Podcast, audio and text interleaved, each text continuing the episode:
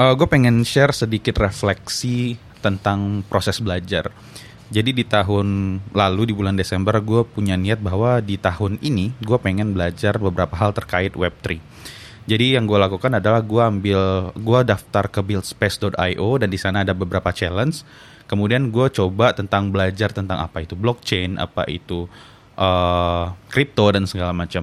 Dan ketika gue ngambil buildspace.io itu gue ikut uh, salah satu challenge untuk nulis smart contract. Dan itu pakai Solidity dan JavaScript. Dan kalau boleh dibilang bahwa Solidity dan JavaScript itu sebenarnya mirip-mirip.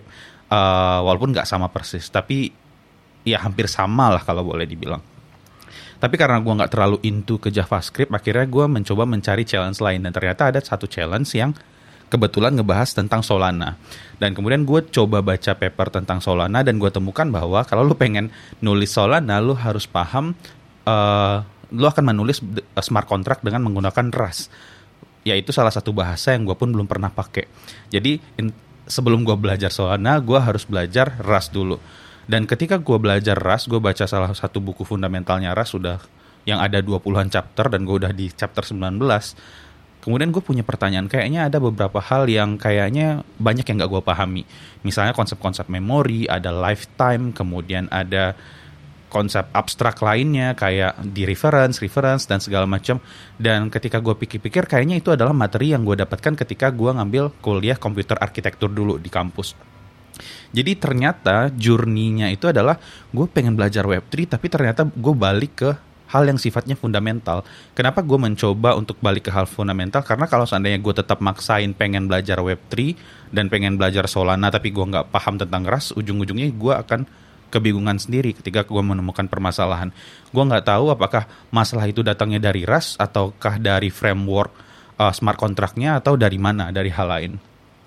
Jadi uh, itu yang pertama. Kemudian gue menemukan hal menarik uh, tentang Elon Musk. Jadi Elon Musk itu uh, dia itu adalah salah satu entrepreneur yang punya banyak bisnis di banyak hal. Ada SpaceX, ada Tesla, kemudian kalau nggak salah dulu dia juga uh, di PayPal dan segala macam dan uh, gue malah jadi pengen baca biografi Elon Musk lagi. Gue kebetulan punya bukunya. Dan yang pengen uh, yang pengen gue sampaikan adalah di video itu uh, Elon Musk itu cara belajarnya ternyata unik.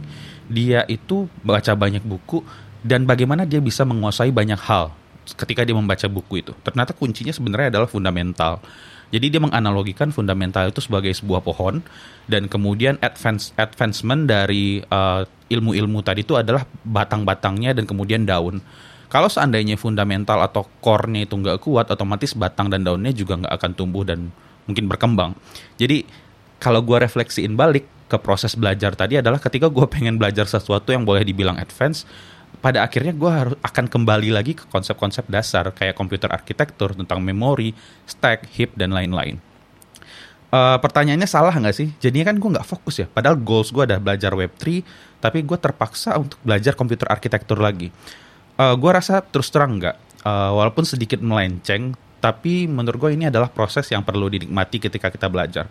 Ketika kita pengen mencoba sesuatu, uh, mungkin kita nggak akan langsung straight sampai ke titik itu, tapi kita perlu melipir sedikit ke sini, kemudian melipir sedikit ke sini, dan kemudian menemukan banyak hal.